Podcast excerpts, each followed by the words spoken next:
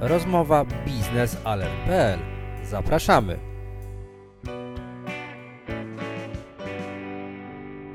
Dziewiątego maja w Otwocku odbyła się konferencja prasowa z okazji przekazania przez Grupę PKN Orlen 15 pojazdów hybrydowych i elektrycznych służbie celno-skarbowej, która będzie dzięki tym pojazdom jeszcze lepiej kontrolować stan y, towarów i paliw y, przewożonych na polskich drogach. Przy okazji tej konferencji y, udało mi się porozmawiać z prezesem PKN Orlen, Danielem Obajtkiem.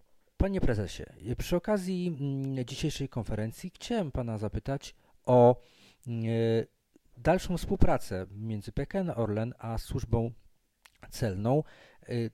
Jaki jest tak naprawdę interes PKN Orlen, aby wspomagać państwową jednostkę przy tego typu e, zakupach? Panie redaktorze, ta współpraca trwa. My z panem ministrem bardzo często na ten temat rozmawiamy. My y, z Krajową Administracją Skarbową również jesteśmy w kontakcie.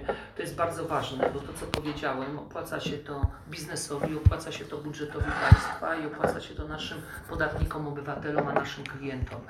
Walka z mafiami paliwowymi, którą rozpoczął rząd Prawa i Sprawiedliwości, pan premier Mateusz Morawiecki, pan minister Banaś trwa i ta walka przynosi efekty i widzimy dziś te efekty. Ja wymieniłem tylko dwie cyfry. Rok 2015 wpływy do budżetu to jest około 25 miliardów, 2018 wpływy do budżetu 36 miliardów, to jest 10 miliardów. Jeżeli ktoś interesuje się dochodami Orlenu, to niech sobie zobaczy dochody Orlenu, które były na przestrzeni 2008 y, roku do 2015 roku i niech sobie zobaczy ktoś dochody, które były na przestrzeni 2016 roku do 2018 roku to nie ma co porównywać. Tam Orlen miał takie lata, gdzie niejednokrotnie miał dochody około 800 milionów, no, a teraz ma miliardy do mhm. zysków, więc, więc to pozwala, że Orlen się rozwija. No przecież bez tych dochodów nie moglibyśmy się rozwijać, bez tych dochodów nie moglibyśmy modernizować naszych rafinerii, które nam były budowane e, i mają pewną żywotność. Bez tych dochodów nie moglibyśmy realizować przemysłu petrochemicznego. Bez tych dochodów nie mógłbym wbijać łopaty do budowania Centrum Badawczo-Rozwojowego. Bez tych dochodów nie mógłbym robić robić, choćby nawet y, myśleć o akwizycji jakiejkolwiek firmy, a już nie mówiąc o, o zakupie Lotosu, co wzmocni Orlen, wzmocni polską gospodarkę. Nie mógłbym generalnie myśleć o wielu zadaniach, o wykupie Uni, akcji Unipetrolu, nie mógłbym myśleć o, o rozwoju o rafinerii w Morzejkach, ponieważ no przecież to rafinerię trzeba rozwijać, tam trzeba budować instalację hydrokrackingową do pogłębienia przerobu ropy, bo wtedy będzie ta rafineria stabilna na czynniki makroekonomiczne, ponieważ będzie 10% większy uzysk, około 10% na, y, na uzysku na paliwa przy procesie produkcji. Prezes PKN Orlen wspomniał o y, zyskach, jakie PKN Orlen dzięki temu notuje, e, a także co y, dzięki współpracy z jednostkami służby celnej i skarbowej, jakie to są dla spółki korzyści. To są potężne zyski i to są zyski, dzięki którym można realizować pewne programy, mhm. można napędzać pewną koniunkturę gospodarczą wewnątrz kraju. I tu widać, bo, bo Orlen plus państwo i gospodarka się uzupełnia. Orlen jest tak dużą firmą, że i ma wpływ na gospodarkę, ale i gospodarka ma potężny wpływ na, na Orlen. I przez właśnie takie działania jakoś teraz te ceny, oczywiście, one minimalnie się ruszają, ale staramy się trzymać taką politykę, żeby te ceny tak nie fluktuowały na stacjach w jedną i w drugą stronę, żeby była tak zwana stabilność. Bo dziś stabilność w przypadku cen paliw, dziś stabilność w przypadku dochodów do budżetu państwa równa się rozwój gospodarki. Bo dziś każda gospodarka, każdy biznes działa na jakimś minimalnym zysku. Jeżeli w trakcie roku on nie ma tej stabilności, a zakłada sobie jakiś zysk, to ten zysk automatycznie traci. Więc ta stabilność jest przede wszystkim ważna. Wiadomo, że do tej stabilności to nie wszystko. Do tej stabilności to właśnie walka yy, z mafią paliwową, którą pan minister Banaś czyni, czyni i też pan premier, ale do tej walki również jest yy, ważna współpraca właśnie z biznesem. I tą współpracę z biznesem pokazujemy. Kupujemy sprzęt, kupujemy samochody, kupujemy laboratoria e, i to nie jest nasze ostatnie słowo, jak jeszcze kiedyś w listopadzie powiedziałem, nadal twierdzę, że to nie jest nasze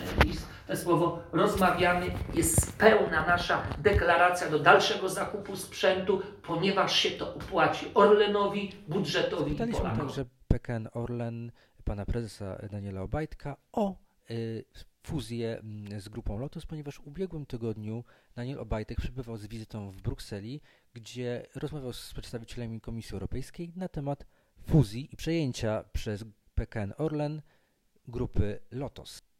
Prezes PKN Orlen podkreślił, że to jest cykl spotkań, które będą e, kontynuowane, a ich finalnym etapem ma być zakończenie i zgoda Komisji Europejskiej na przejęcie gdańskiej rafinerii przez e, płocki PKN Orlen.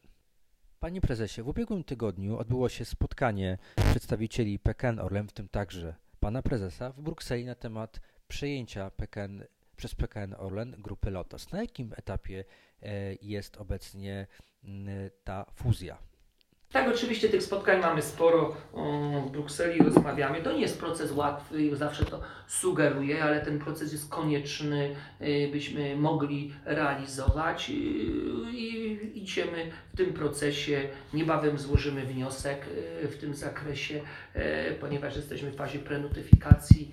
Myślimy, jak w najbliższych miesiącach, w najbliższym czasie złożyć wniosek w tym zakresie. Jest to trudny proces, wymaga wielu uzgodnień, ale to co powiedziałem jest to proces konieczny, ponieważ on wyzwoli pewne dodatkowe możliwości operacyjne do tego, byśmy mogli w dalszym etapie stabilizować ceny i w dalszym etapie prowadzić procesy, które pozwolą, byśmy byli na tyle dużym graczem, byśmy bardziej liczyli się, choćby nawet przy zakupie ropy. No, no, dziś musimy przerabiać pewien wolumen ropy, by mogli z nami rozmawiać pewne, pewni gracze, by mogły z nami rozmawiać koncerny narodowe w tym zakresie, które mają i upstream, czyli wydobycie i, i, i przerób. Więc my musimy podnosić te progi przerobu, podnosić te progi poprzez to, że się łączymy, by być poważnym graczem w tej części Europy do tego, by uzyskiwać dogodne ceny, choćby nawet w zakupie ropy i być konkurencyjny wobec gigantycznych gigantów, które nas otaczają, bo naprawdę otaczają nas firmy, która ich kapitalizacja to jest, to, jest, no, to są kapitalizacje rzędu uh, 150 miliardów złotych czy 200, a nasza kapitalizacja po połączeniu jest 19 miliardów. No to jest astronomiczna kwota, ale mimo wszystko to jest różnica. I dzisiaj być na tym rynku trzeba generalnie jak gdyby liczyć się, łączyć. Dziś są obciążenia regulacyjne wszędzie, w całym świecie, więc poprzez łączenie, poprzez poprzez wyzwalanie możliwości operacyjnych, potanienie tych możliwości operacyjnych, łączenie poszczególnych spółek, można wyzwolić dodatkowe mechanizmy, które będą powodować stabilność i, i, i utrzymanie pewnego rodzaju dochodowości. My nie możemy dochodowości spółki przenosić generalnie na naszych klientów, bo nie będzie się rozwijała gospodarka. My w pierwszej kolejności musimy rozwijać y, wszystko, co jest związane z optymalizacją kosztów, a proces łączenia jest nic innym jak optymalizacją kosztów. Panie prezesie, y, na zakończenie chciałem zapytać także o temat, wydaje się, najbardziej palący, jeśli chodzi o sektor naftowy w ostatnich kilku tygodniach, a więc dostawy ropy z kierunku wschodniego do krajów Europy Środkowo-Wschodniej, w tym oczywiście do polskich rafinerii. Czy możemy się spodziewać, że te przerwy e, wkrótce się zakończą i jak gotowy jest na to płocki koncern. Y, wspólnie z naszymi partnerami pracujemy na ten temat. To jest praca Orlenu, Lotosu, Pernu, też i rafinerii niemieckich. Idziemy w dobrym kierunku, prowadzimy rozmowy.